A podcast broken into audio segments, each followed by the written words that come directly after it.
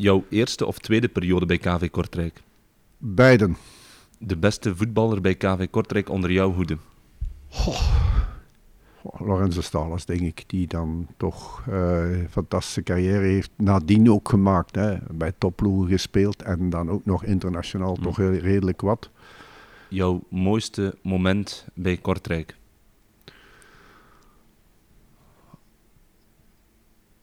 Ik vond het wel leuk, uh, het moment dat we tegen, tegen Genk hier wonnen, tegen Hein. En Hein is toch een monument hier. En uh, ook als, uh, als trainer denk ik dat we mogen zeggen dat hij een fantastische carrière maakt.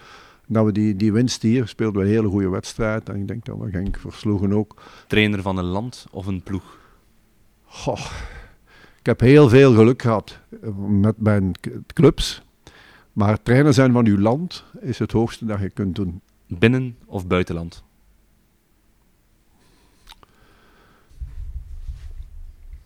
Um, buitenland voor mijn ervaringen die ik daar opgedaan heb. Niet alleen op het veld, naast het veld. De verschillende culturen, de verschillende mensen ook.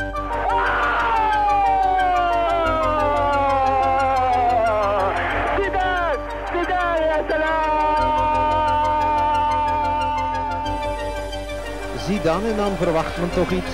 Zidane en daar is wat. Prachtige actie van Zidane. Welkom intussen al bij aflevering 12 van Radio Jamel. Bij mij opnieuw Den Dewersje. Welkom Den. Hallo, goedemiddag. Hoeveel zin heb jij in vandaag? Ja, heel veel, omdat ik uh, onze invité uh, ja, persoonlijk uh, van dichtbij meegemaakt heb tijdens zijn laatste passage en als supporter, trouwe supporter, toch ook bij zijn eerste passage meegemaakt heb. Dus ja, voor mij is dat wel heel leuk. Ja. Mm -hmm. Bij ons Mac the Knife, ex-bondcoach van de Rode Duivels, 26 clubs of landen getraind en dat in acht verschillende landen. Twee periodes bij KV Kortrijk als trainer en nu aan het genieten van zijn pensioen, neem ik aan. Welkom, George Lekens. Goeiedag. Uh, ja, ja, geniet van mijn pensioen. No, mhm. zeker weten. Hoe gaat het met u? Het gaat met mij uitstekend. Uh, vandaag iets minder, slecht weer. Maar uh, al bij al erg goed. Ik heb er een punt achter gezet, een jaar en een half geleden zeker, met de mhm. toestanden die er waren. Ik vond ook aan mijn 18 mei ben ik 72 geworden. Ik voel me wel geen, geen 72, maar het is heel leuk om ook een keer terug te kijken achter u. En dat wordt nu meestal gedaan als uw carrière zo wat nadien is. Mm Ik kan me ook enorm amuseren, niet alleen het aantal voetbalwedstrijden is nog meer als vroeger eigenlijk. Vroeger was het ook al wel dag en nacht, maar dan was het specifiek naar je club toe of naar je land toe. En nu uh, zijn het eigenlijk alle sporten wat ik kan. Uh, Paris-Roubaix bijvoorbeeld. Wat mhm. was dat, die gezichten en die, die, die, die, modder op die gezichten. En dan juist tweede eindigen, jonge, jonge snaak. Ja, die dan iets te veel, een foutje nog, nog te veel aan die kop te rijden. Ik vond het geweldig mhm. dat hij dat, die ambitie had ook van die eerste positie. En dan juist mm op, laten we zeggen, een wiellengte. En uh, competitie denk ik ook. Competitie is een goed pijl. Ook de Belgische competitie die een goed pijl is. Mm Die volg je nog altijd? De Pro League bijvoorbeeld? De Pro League uh, volg ik ongeveer, denk ik... Uh, als het kan, uh, drie wedstrijden, dan heb je lekker zo een tv en twee computers mm -hmm. naast je. En dan, uh, dan ben je alles aan het volgen. En dan heb je dus bijvoorbeeld één, één wedstrijd. Dat is natuurlijk een van die ex-ploegen. En het zijn er veel natuurlijk. Hè. dan ja. uh, in binnen- en buitenland. En dan moet je soms een keer een keuze maken. En dan kijk je s'avonds. En ja. dan is het tot één uur of twee uur s'nachts. En dan okay. is morgens nog een keer vanaf zes uur. En waarom ben je dan geen analist? Want uh, we zien veel buitenlanders als analist komen. Ik en heb... jij hebt toch die enorme ervaring en die kennis? Ja, ik heb uh, maar redelijk wat gevraagd. Maar uh, uiteindelijk uh, doe ik mijn keuze een klein beetje wat ik zelf aanvoel. Um, ik heb heel veel analyses gedaan, ook voor in die tijd. zelfs co-commentator, dus analist en zo verder. Champions League wedstrijden gedaan. Um, nee, ik doe nog wat ik graag doe. En dat dingen doen podcast doen met KVK bijvoorbeeld. Dingen die ik graag doe en uh, waar ik heel veel respect voor gekregen heb. Ik ben er altijd fier dat we een keer vierde geëindigd zijn, denk ik, in de competitie. en dat, oké, in de play-offs was dat een beetje minder. Ja, maar er zijn een paar scheidsrechtelijke beslissingen in ons nadeel geweest ook. Hè. Bedoel... Ja, maar als je over heel het seizoen compenseert zich dat wel. Het hangt ervan af of je daar ook kwaad op maakt. En dan ga je er te veel op focussen. Nee, dat is verloren energie. Dat is verloren energie. En daarom dat ik zeg, die, die dat is negatieve energie. En dat laat mhm. dat vallen. probeer dat op te bouwen naar je groep toe en naar, naar je eigen toe. Ik weet ook, je hebt twee keren bijvoorbeeld, nu de laatste keren, twee keren nog eh, de laatste minuut een doelpunt tegengekregen en zo verder. Laat het zo stellen dat dat ook soms een beetje concentratieverlies is, soms een klein beetje eigenlijk, zeker met het publiek dat je hebt, op het einde moest dat, moet dat een concentratie vergroot zijn, want je weet, maar dat is soms vermoeidheid, het is soms met de coronatoestanden te maken, dat heeft soms met heel veel dingen te maken, maar het is niet alleen dat winnen. Hmm. Het is een goede sfeer. Is er een goede sfeer? Ja, er is een goede sfeer. Het is het publiek die, die er hmm. ook 300%, een jong publiek ook, jeugdig publiek nog altijd. Hopelijk uh, dat je ook nog binnen afzienbare tijd toch ook wel de keer dat nu stadium zult krijgen. En dat zou natuurlijk heel leuk zijn. Ja, we zijn hier nu nog in het Gulden Sporen ook voor deze aflevering van de podcast. Wat doet dat met jou dat je hier nog eens bent? Ach, leuk. Ik vond het een van de uh, leukste stadiums waar dat voor, te, voor te voetballen ook als tegenstander. Hè. Het is altijd een aangenaam publiek. Uh, ik, ben hier, ik heb hier graag vertoefd. Ik heb hier heel veel energie ook gestoken. Ik ben... Uh, denk ik ook uh, dag en nacht ook bezig met het KVK. En dat was niet makkelijk uh, voor spelers aan te werven, eventueel kleedkamers wat aan te passen. Uh, meedoen met het business, meedoen met Jean-Marc de Grijze, mm. spijtig genoeg overleden. Ehm, wat ik, mijn eerste periode bijvoorbeeld had ik Arsène de Grijs nog als voorzitter. En dan had ik Jean-Marc, dan had ik Joseph Alains als voorzitter het was heel leuk. En ik zie die mensen, ik zie onze delegé hier, Claude. En je ziet weer die mensen, als je hier komt, zij zien u graag. Mm. En jij ziet ze hun graag. En als je liefde geeft, krijg je de liefde terug. ook bij Moscone, hier in Kortrijk ook. En waren wij ook, laten we zeggen, ook gevoelig wat spelers soms meemaken. En als je dan het verhaal achter een speler hoort, dan begrijp je soms ook dat hij niet kan renderen. Of op deze moment nog niet rendeert.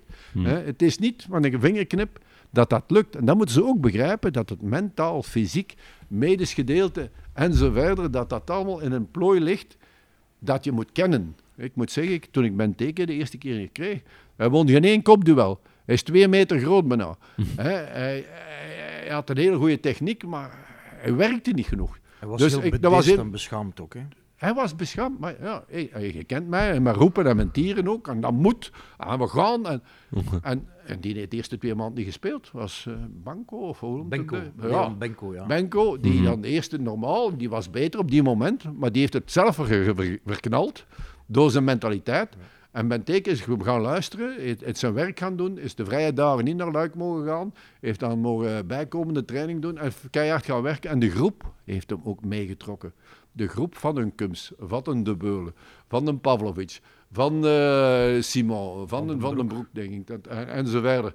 We hebben, ja, we hebben eigenlijk de groep maakt ook dat deze spelers eventueel een goede transfer.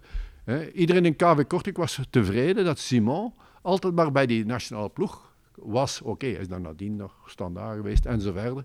En ook de kleine pijn die hij heeft met zijn kinderen. Hè. En die ook heel dankbaar is, KW Kortrijk dankbaar is, ook mijzelf dankbaar is. carrière te herlanceren. Ja, maar zij doen dat zelf. Ze, je helpt eraan. Je kunt eraan helpen als ze kijken, luisteren en naar de juiste mensen. En zeker mensen die, die het een beetje kunnen weten. Len Verbouwde, onder u ja, zijn beste, carrière, zijn beste jaar in zijn carrière ooit. En je lacht ook meteen, hè? Het, het grootste... als als Dan Glen Verbouwde zegt, begon je meteen te lachen. Oh ja, maar Glen, Glen is toch... Uh, dat is een monument. Dat is het grootste keeperstalent ooit in Kortrijk, denk ik. Ik denk dat hij... Hij had één probleem. Hij kon niet nee zeggen. Dat was een fantastische jongen. Een gouden karakter.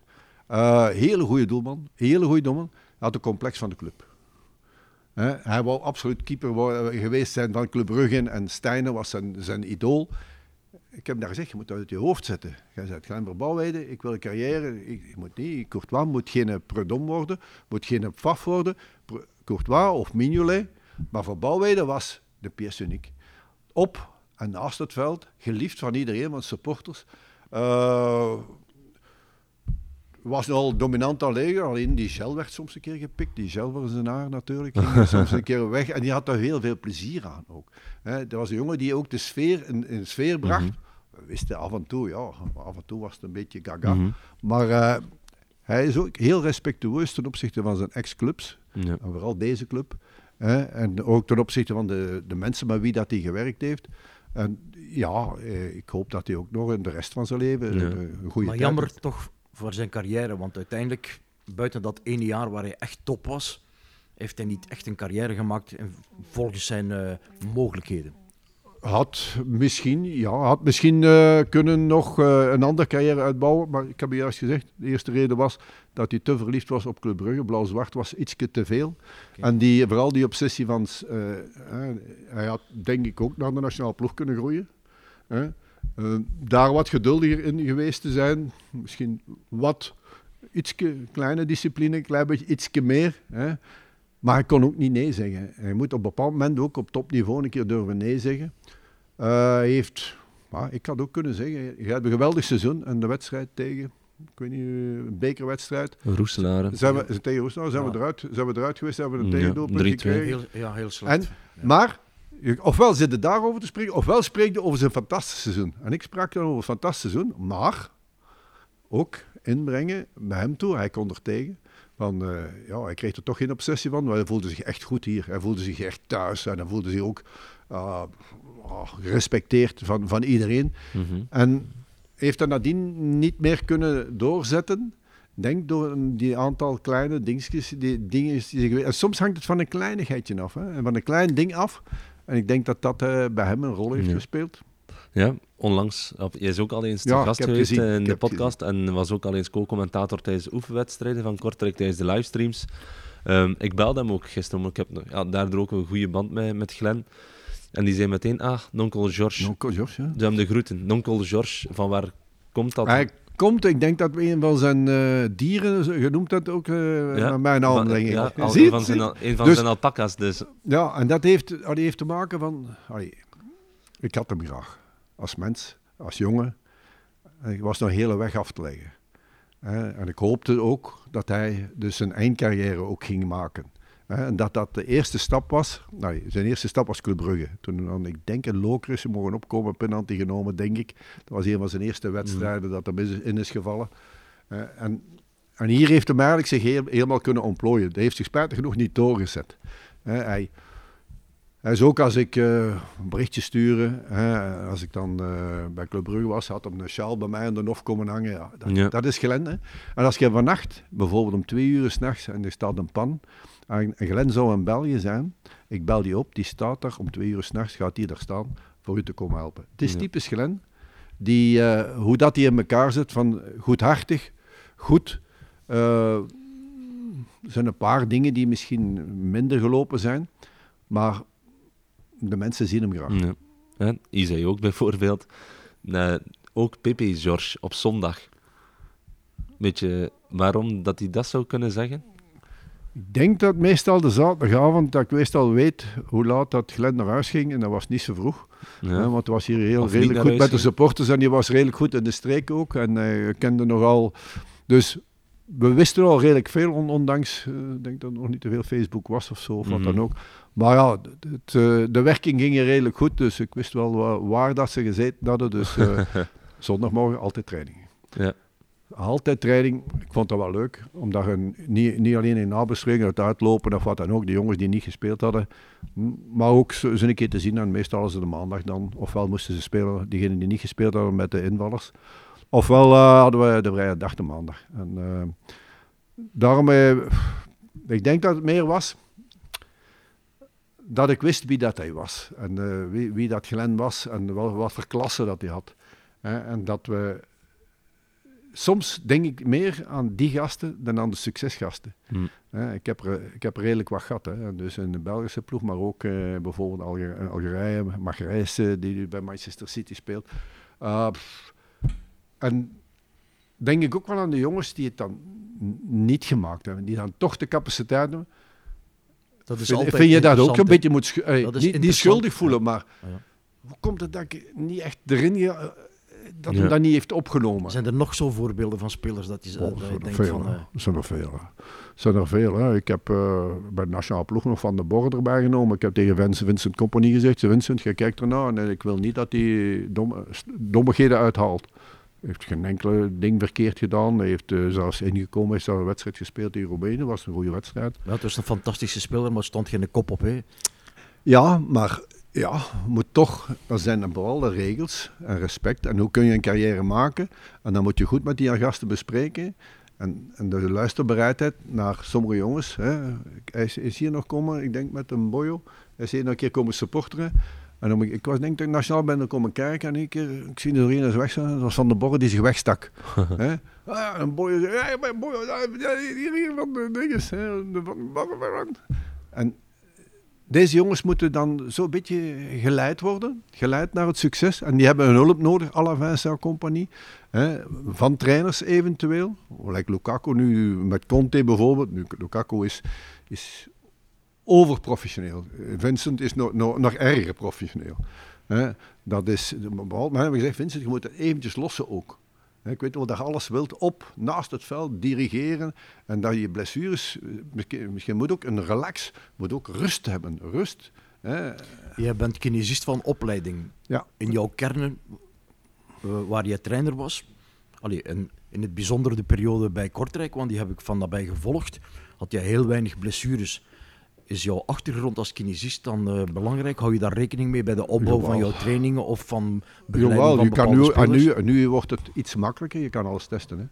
Je, je, je, weet op voorhand welke, welke graad van vermoeidheid dat ze zitten, met welke uh, intensiteit, runs enzovoort. Vroeger moest je dat nog een beetje op de feeling doen.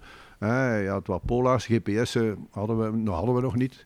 Uh, financieel weet je, ja, ik zat bij de Nationaal Ploeg, de eerste keer hadden we nog, nog geen GPS enzovoort.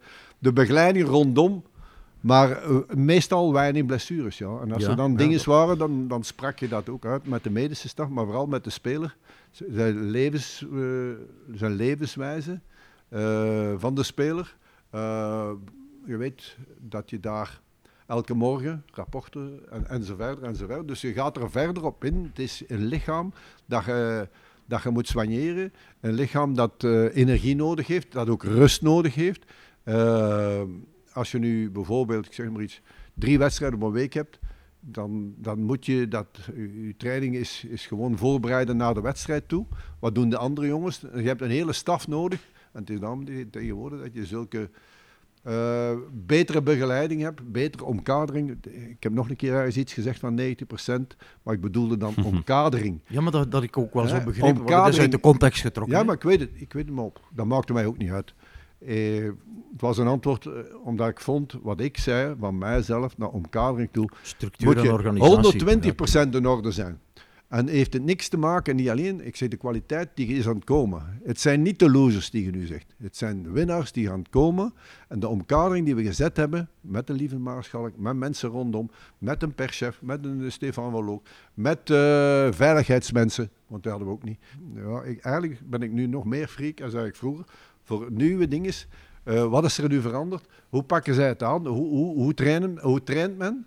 Uh, ik ga nog niet naar clubs, want het is altijd gevaarlijk naar clubs gaan. Maar het ja, interesseert me wel... onmiddellijk, ja, George Lekes loopt rond, de, de trainer zit op de wip. Ja, maar dat is dikwijls zo. Pers, als, je, als, je, als, je, als je twee keer op de tribune zit en je verliest twee keer, dan, dan, dan denkt men... Hè, je weet dat mijn doel nooit geweest is van een andere coach te raken. Daarom ook als analist was ik misschien te positief. En nooit de trainer een vraag stellen. Ik, die heeft ook zijn reden, die werkt met die groep. Hoe kan je nu als je zelf niet, hoe kan ik nu mijn oordeel over die groep van, van Kortrijk? Ik kan, kan zien wat ik in de, in de match gezien heb. Toen ik bij KBK was, speelden we meestal een 4-4-2. Soms een keer een 3-5-2, maar het was dat middenveld met een Kubs en een De Beulen en uh, Messoudi.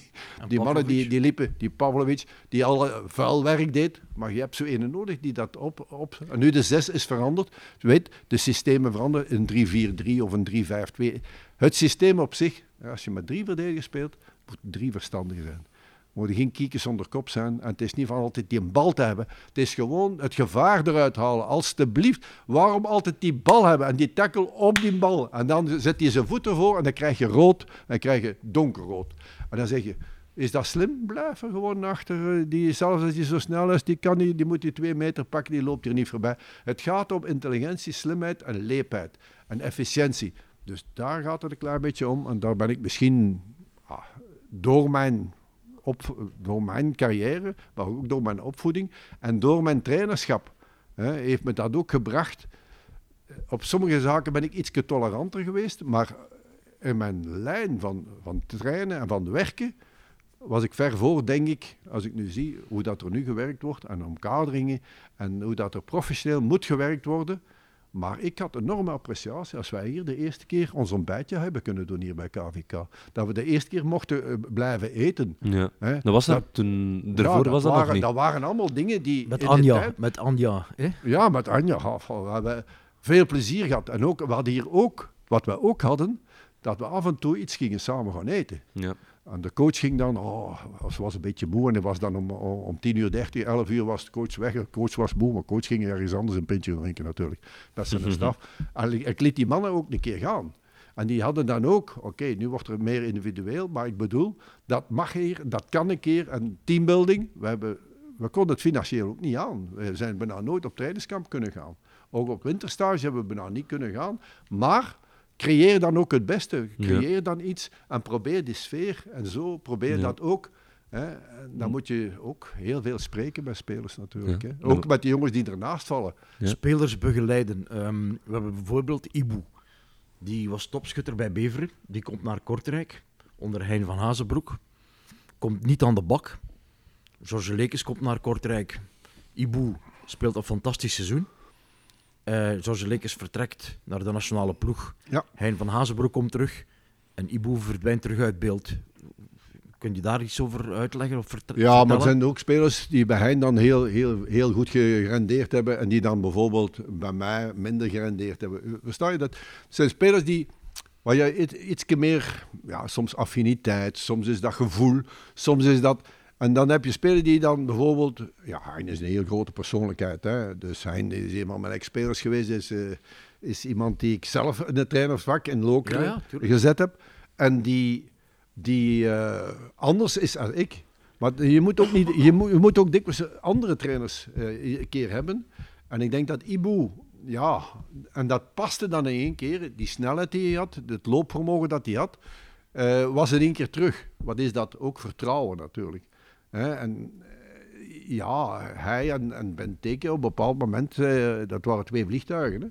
Uh, de ene kon goed aan de bal en de andere ging in die, in die diepte. Hadden we nog wat infiltrerende mensen, niet vergeten. hè? De, de Kumsen en, en de, De de Beulen. Beulens. En de, op stilstaande fase is, eh, vind ik nog altijd, dat is 50% van de doelpunten, is nog altijd stilstaande fase. Als je goede trapper hebt, goede inkomers hebt, goede mensen die de ruimte eh, kunnen lopen, dan eh, ook die tweede bal of die derde bal. Hè? Als je dat niet voorziet, ja, dan krijg je die tegenaanval, een, een hoekschop voor u en je krijgt dan een doelpunt tegen. Ja, dan, dan, dan zakte mijn broek al af. Dus omdat ik vond dat dat absoluut niet kon, dan moet je die niet met, met zessen, eh, maar je- kan je dat goed, met een goede opsluiting, kan je dat voorkomen. Als trainer, je was ook eh, bijgelovig, hè?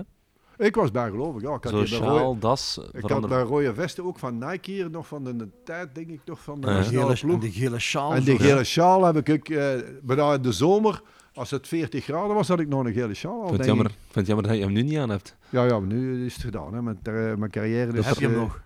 Eh, thuis leed er nog een stuk of vier. Dus eh, ik had er eigenlijk met een echte, heb ik in Roda, eigenlijk eh, een ding is in een tribune gegooid bij de supporters. In AC Milan was dat. Dat we juist met de penalties eruit waren. 0-1 thuis verloren, maar dan ginst 0-1 tot, tot in de verlengingen. Penalties, en met penalties eruit. Mm. Toen heb ik die gele sjaal. Maar uiteindelijk heb ik, heb ik nog vier andere. Ja. Maar, Maar, was- bijgeloof Ja. is iets van... De omgeving begint dat ook te geloven. En dat, he- dat heeft te maken met je goed voelen. Dezelfde attitude doen, hetzelfde moment eten, zelfde keer gaan wandelen of zo. Ik had Self-fulfilling prophecy. Ja, en ook, ik ging graag de, za- de zaterdagmorgen, ik zaterdagavond spelen, persoonlijk als speler, ging ik zelf, zelf nog een keer iets gaan lopen, iets losmaken. Deed dat, bij, ploe- bij ploegen deed ik dat ook, bijvoorbeeld als we Europees speelden, was morgens nog een keer. Ik zie nu iedereen, zoals gelijk dat iedereen nu begint ook in de rust al wat, wat terug wat opwarming te doen. Direct als ze opkomen, Mhm. beginnen ze terug. Het zijn, eh, het zijn dingen die zo een klein beetje veranderen, die erbij komen. Maar ik denk dat vooral het voetbal op zich aan het veranderen is. Dat het ook een loopsport is geworden. Data's en heatmaps en, en alles wat nieuw is, vond ik altijd zo geweldig. En ik vond, eh, maar je moet het in de praktijk opbrengen. Dat spelers er ook al over. Hè. En dat is nog eentje van hier die daar speelt. Hè. Een capontje. Die ik ook van rechtsbuiten naar rechtsachter heb gebracht. Ja, en die klopt. eigenlijk meer wingbacks waren Ja, dan. klopt. En oké, de namen zijn soms anders, maar het is soms een keer goed. Hè. Ik heb dat met Meunier ook gedaan. Eh, Dus laten terugtrekken. Maar Capon, was iemand die, die hier ook, de, de- als rechtsachter, een, een, een mooie carrière, nou, nu al, ook al zes jaar denk ik, maar Stende, maar heeft hier ook een x-aantal jaren gezeten. Hè. Mhm. Dus, maar ja, Brecht Capon is een, een, een speler die misschien niet super getalenteerd is, maar fantastische een functiespeler. Snelheid en kon een doelpunt maken. Mhm. En had snelheid en had een fantastische techniek. Ja. En was een fantastische jongen in de groep. Dat seizoen, bijvoorbeeld Capon, die was toen vierde, hè, de hoogste rangschikking ook, ooit voor Kortrijk, dan vijfde uiteindelijk na de play-offs. Dat is toch eh, een mooie prestatie. Dat was uniek omdat die groep uniek was. Dat is zo zeggen, dat heeft te maken natuurlijk met, eh, ik denk, we moeten zeggen, Jean-Marc de Grijze, die Mhm. eh, ik die twijfelde en eh, hij die dan toch enorm veel arbeid gedaan heeft in de scouting. die ook met Rick Foulon en zo, heel die scoutingsapparaat. En spelers van overtuigd, oké, met mijn naam ging die wat gemakkelijker komen. Als ik met Simon ging spreken en eh, met Philippe van der Wallen in Brugge, dan was dat op twee minuten geregeld.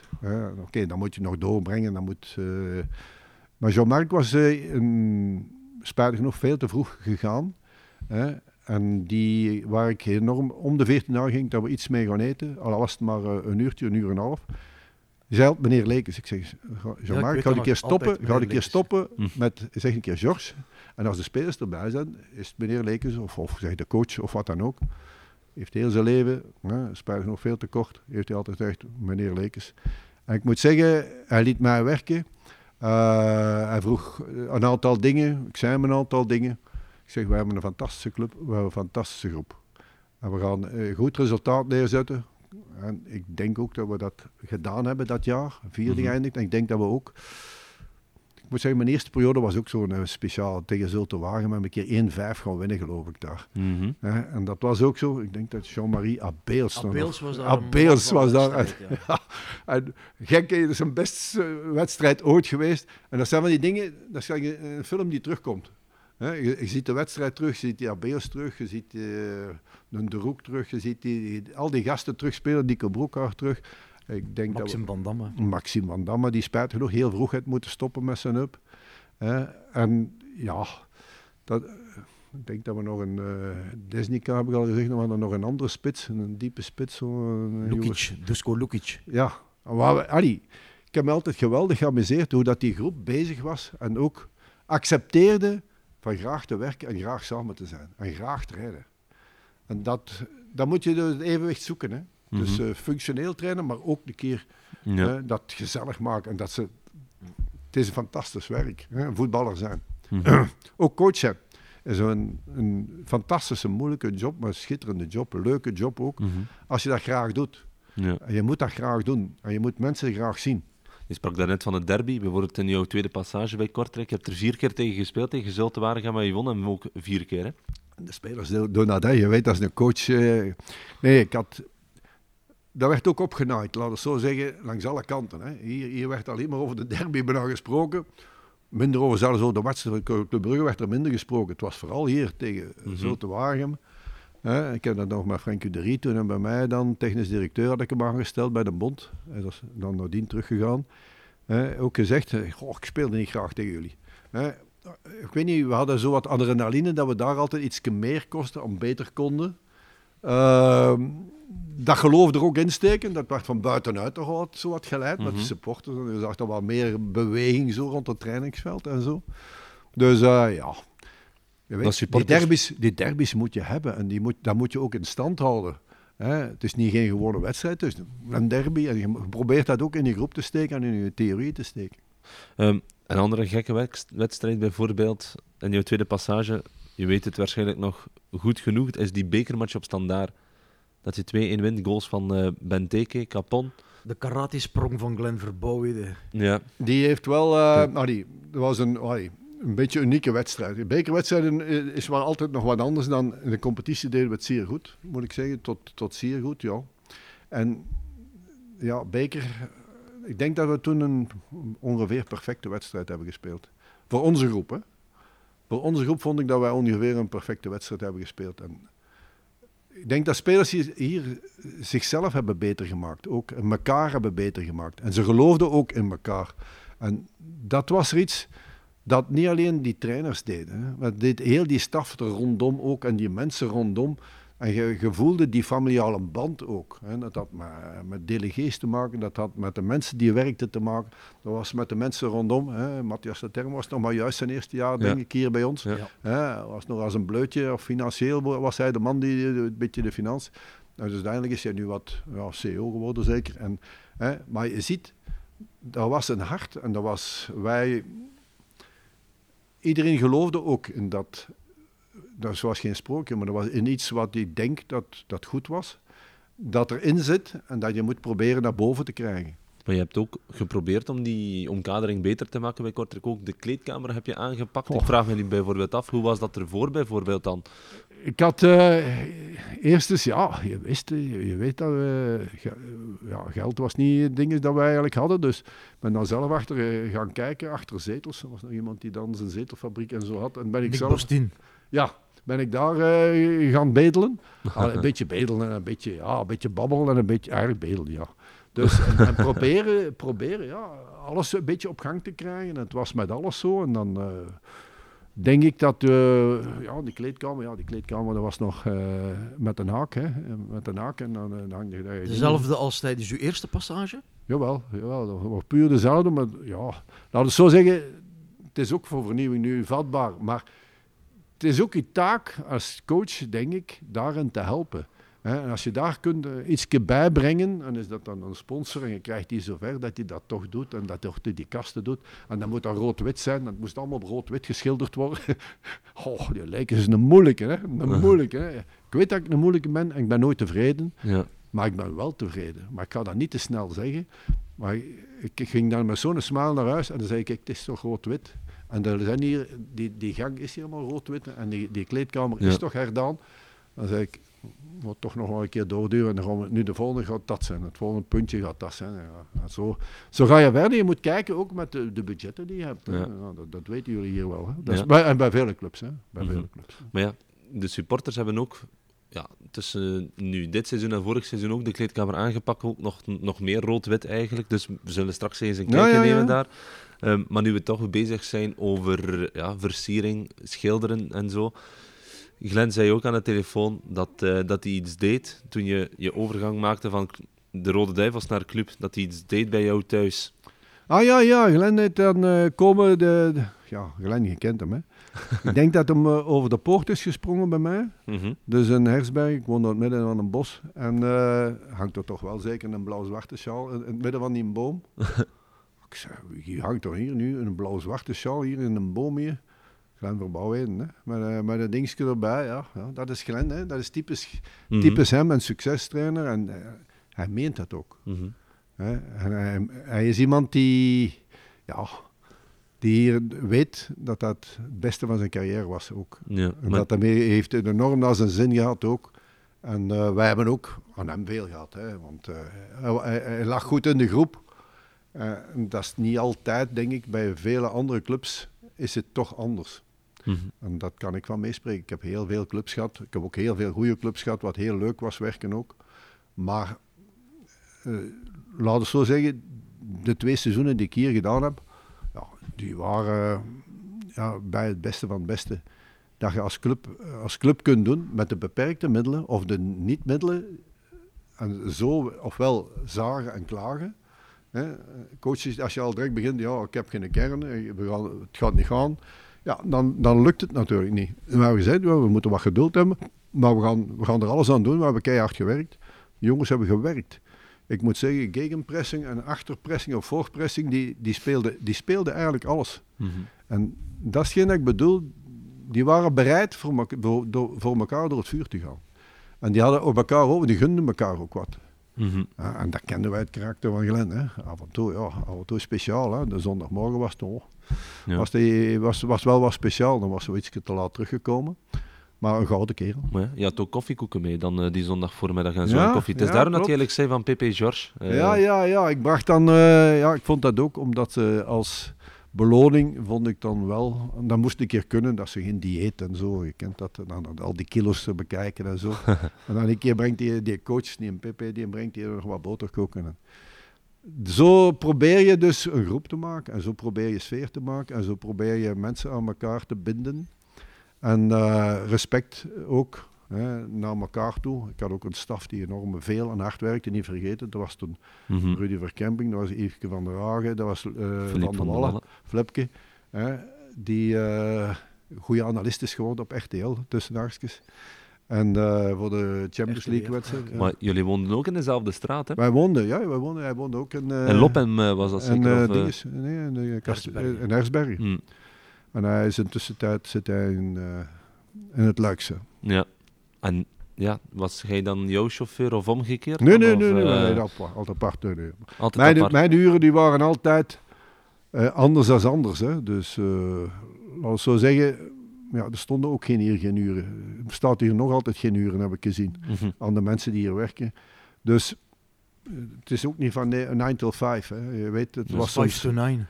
ja, dat is van 5 uur s morgens tot, eh, tot, tot 12 uur s'avonds kon dat zijn. En dat kon soms een keer anders zijn. Maar eh wij reden zo'n... eh, nee, nee, we reden niet met twee met één auto, omdat ik meestal toch wel wat andere verplichtingen had. Eh, probeerde, ik moet zeggen, dan, Philippe heeft er ook heel veel aan meegewerkt, Yves ook en eh, Rudy. Het waren allemaal andere soorten trainers, maar die heel goed konden samenwerken, die ik redelijk goed kon dirigeren ook. En Mhm. die altijd een, een meerwaarde gaven in een vak dat ze mee bezig waren. Daar zat ook geen egocentrisme of, of stoelenzagerij in. Versta je? Mhm, mhm. Dus bij vele, clubs is dat soms nog wat anders. Ja, even iets anders. Eh, elke aflevering geven we ook een t-shirt weg. Een t-shirt van zijn nieuwe merchandising. Het ligt daar voor jou, je handen liggen erop. Hier. Ah. Dat rode t-shirt hier van eh, Radio Jamel. Elke aflevering geven we er eentje weg. In de vorige aflevering met Matthias Leterme was de prijsvraag hoeveel nationaliteiten bevat onze huidige kern. Heb- misschien een gokje, George? Hoeveel denk jij? Dat is me nou zo, zo moeilijk als zoveel clubs heeft George Lekens gehad. we Of hoeveel landen heeft hij 28. gewerkt. Hè? Ja. We hebben Hoeveel nationaliteiten dat je We hebben, aankeren 28, hebt? ja, en we hebben 28 spelers, denk ik. 17? Het zijn er 16, 16 Ah, nationaliteiten. dus ja, je zit er heel dichtbij. Nee, nee, maar ik heb veel in het buitenland gewerkt. En ik heb eh, juist gezien toen ik binnenkwam. Dat er een aantal jongens passeerden, er waren er juist een paar bij die ik kende. Dus, eh, Ah ja, oké. Ja, dus, ja, ja. eh, We hebben dus 16 nationaliteiten. De supporter die dat wist is eh, Ronnie de Smet. Dus eh proficiat Ronnie. Ronnie de Smet is dan mijn assistent van Club Brugge nee, geweest. krijgt- nee, ik vermoed van niet, denk ik. Ah, ja, gefeliciteerd, eh, Ja, voilà. Ronnie. Jij krijgt zo'n t-shirt. George, wat vind jij er eigenlijk zelf van, van eh, het t-shirt? Want je mag er zelf ook eentje meenemen naar huis. Ik ga er eentje meenemen. Ik ga, er, eh, ik ga dat ook dragen. Ook. Ja, voilà. Eh, het is tof. eh, maar ik vind, ik vind er zo... Ofwel eh, is een kopie van, het hoofd is een kopie van. Jamel Zidane. Heb jij ooit Ah, Jamel, Jamel. gespeeld? Je kent hem toch? Jawel, natuurlijk kennen we Jamel. Ja, dat is nog eh, in mijn eerste periode. Jamel Ja, ja. Zidane, Ja, ja, ja. die is, komt van Sint-Niklaas ook nog geweest. Ja? Ja, die heeft er ook nog hè, gezeten. dus Ja, ja, ik, ken ze nog allemaal een beetje. Hij had een beetje het kapsel van eh Fellaini hè, Ja, in die klopt. tijd. Maar hij was een fantastische voetballer. Ja. Hij was een fantastische speler. Die hier een, eh, oh, toch een mooie carrière Ja. heeft gemaakt. Maar ja, Jamel, ja. ja, Ja. ja. En, maar ik ken die, ik ken die allemaal zo wel een beetje. Hè. ja. en van, ook de, deze... van de Witzels tot de Fellaini's. en tot de Jamels. Hè. Ja, klopt, klopt. Ook deze aflevering geven we er opnieuw eentje weg. Ik moet het niet verklappen, George, maar ik heb ook een prijsvraag ehm, over jou, die we ja, dan weggeven. Och. Dus je mag het antwoord niet verklappen, je weet het natuurlijk meteen. Maar dat is een prijsvraag voor de supporters. Ehm, de prijsvraag is, welke soort praktijk had George Lekens ja, 30, 40 jaar geleden? Dus je moet het niet verklappen, eh, George, maar eh, dat is dus de prijsvraag voor deze aflevering. Ik was geen een bakker. Voilà, dat is al een kleine hint. Maar ja, Inderdaad, dus ehm, ja, wil je kans maken op zo'n t-shirt, ehm, doe gerust mee met de wedstrijd. Maar ja, we gaan een beetje verder praten. George, ehm, is er bijvoorbeeld iets dat je anders zou doen doorheen jouw eh, trainerscarrière? Ja. Ja? Dus zegt dat meteen vastberaden, zonder Nee, twijfel? omdat er maar één of twee dingen zijn. Dus het is erg simpel. Dus eh, ik heb eh, van 84 ben ik trainer geworden. Dus ik heb 15 jaar profvoetballer geweest. Of Mhm. voetballer Tot geweest. jouw 35 Profvoetballer en licentiaat. Ik had mijn praktijk ook in Brugge. Dus, Niet te veel verklappen. oh ja. En eh, ja, daar heb ik wel iets vertrapt. Maar eh, dat is niet erg. Dus we weten nog niet over wat. en toen heb ik dan eh, trainer geworden van Cercle Brugge in 84. Dus je kan tellen. Dat is ongeveer ze- 35 jaar geleden. Ja. Dus ik ben ongeveer 50 jaar aan het voetbal. begin een beetje te snappen, het voetbal. Klein beetje toch. Ja. Het is een fantastische carrière gehad. Dus als jongste coach, 35, onmiddellijk beker winnen en zo verder. Me nooit laten ophebelen door successen, maar ook niet laten neersabelen door eh, eventueel een nederlagen of zo. Die iedereen wel heeft. Ik heb een fantastische carrière kunnen uitbouwen in acht landen, zoals je gezegd hebt. Acht landen die niet de makkelijkste landen waren. Mhm. Het laatste bijvoorbeeld. eh, ik heb ook in Iran gezeten, Saudi-Arabië gezeten, Turkije gezeten, Tunesië, Algerije, Nederland. Nederland. Ik heb de beschaving in Nederland gebracht. Ja. Ik heb die Nederlandse een lesje geleerd in bescheidenheid, maar dat lukt me niet. Nee. Eh, en eh, Hongarije geweest ook, Ja. nationale ploeg. Dus eh, vier nationale ploegen, dan twee keer België, twee keer Algerije, Tunesië. En wat ik zou niet gedaan hebben, dat is van de nationale ploeg naar, Naar Club naar Brugge. Brugge te gaan. Club Brugge, dat was een verkeerd moment. voor beide partijen, vooral voor mij en voor Club Brugge, omdat ik een soort proces, dat, Kiebe, dat, eh, dat compagnie nu ook wel zegt, een soort proces is dat ik bezig was met dat elftal. En ik heb eigenlijk mij niet kunnen ontbinden van de nationale ploeg en van de fantastische groep die ik had. En de jonge gasten die ik had. En ik voelde van mijn eigen dat ik zo wat like, in de steek liet. En eh, Ja. ik wist dat heel België ging tegen zijn, behalve die supporters van de club natuurlijk. En dat is dus een kleinigheid die ik... Ik heb gezegd, van een nationale ploeg naar een club gaan, mag je niet doen. Oké, George, ik wil je bedanken voor de Met plezier, het komst was een naar plezier het, eh, bij jullie te zijn en veel succes. En ik Ja. zal wel nog wel dikwijls een keer aanwezig zijn. Ja. Ik zou zeggen, we gaan straks nog eens een toertje doen om eh, alles nog Ja, ja, eens... maar ik moet nog eh, een paar dingen, nog eentje, nog eentje doen. Dan heb ik Ja. gedaan, maar ik doe redelijk wat reportages, vooral van buitenlandse zenders. Mhm.